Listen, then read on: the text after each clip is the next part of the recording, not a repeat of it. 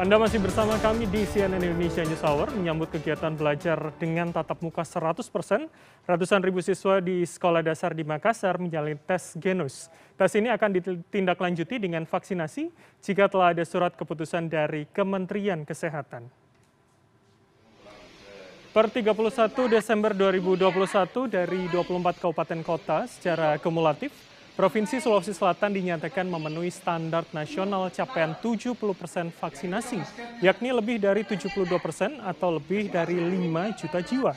Bahkan khusus kota Makassar, capaian vaksinasi hampir 90 persen. Akan tetapi dari angka kumulatif ini, capaian vaksinasi warga lanjut usia hanya lebih dari sekitar 50 persen saja. Akibatnya vaksinasi anak berusia 6 hingga 11 tahun hingga kini terhambat. Meski demikian, pemerintah Kota Makassar mulai menggelar tes genos di sejumlah sekolah dasar. Pusat Data dan Teknologi Informasi Kementerian Pendidikan dan Kebudayaan mencatat 538 SD maupun swasta di Makassar diisi lebih dari 132 ribu siswa. Dan mulai Kamis pagi di SDN Minasa Upa di Kecamatan Rapocini menjadi salah satu dari tiga SD yang mengawali tes genos ini